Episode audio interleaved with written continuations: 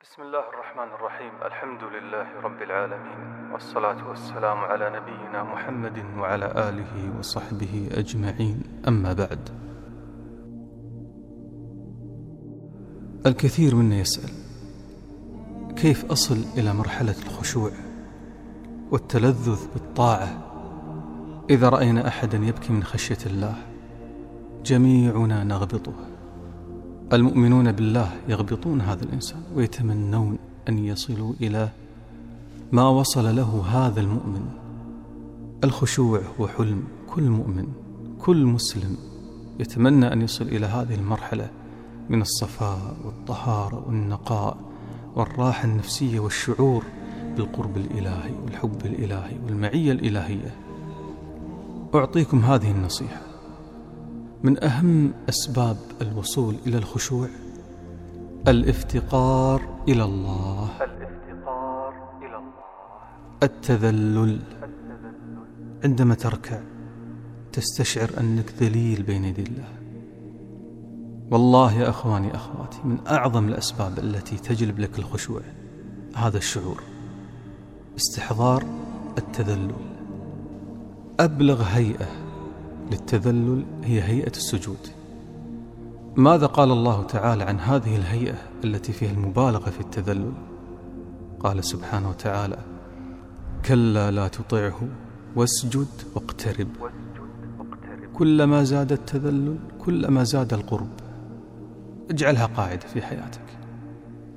كلما زاد افتقارك واعترافك وتذللك وانكسارك كلما زاد القرب.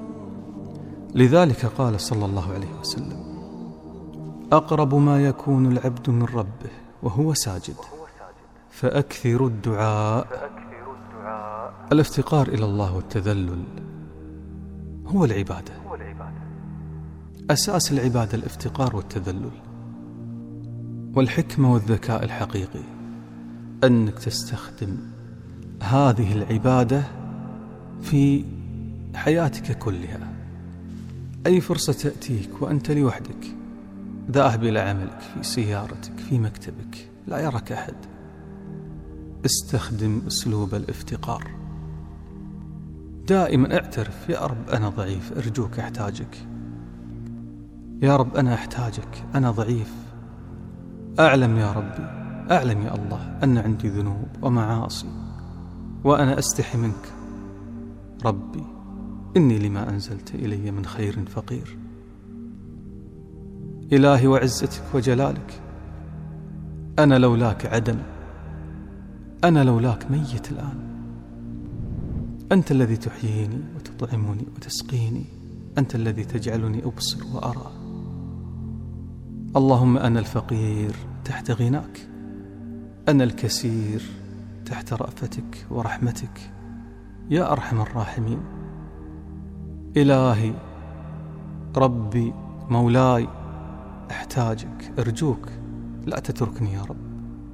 أرجوك يا رب وفقني لمرضاتك وفقني لأن أكون من أوليائك. أرجوك يا رب اكتبني من أحبابك اجعلني من خاصتك اجعلني من المقربين.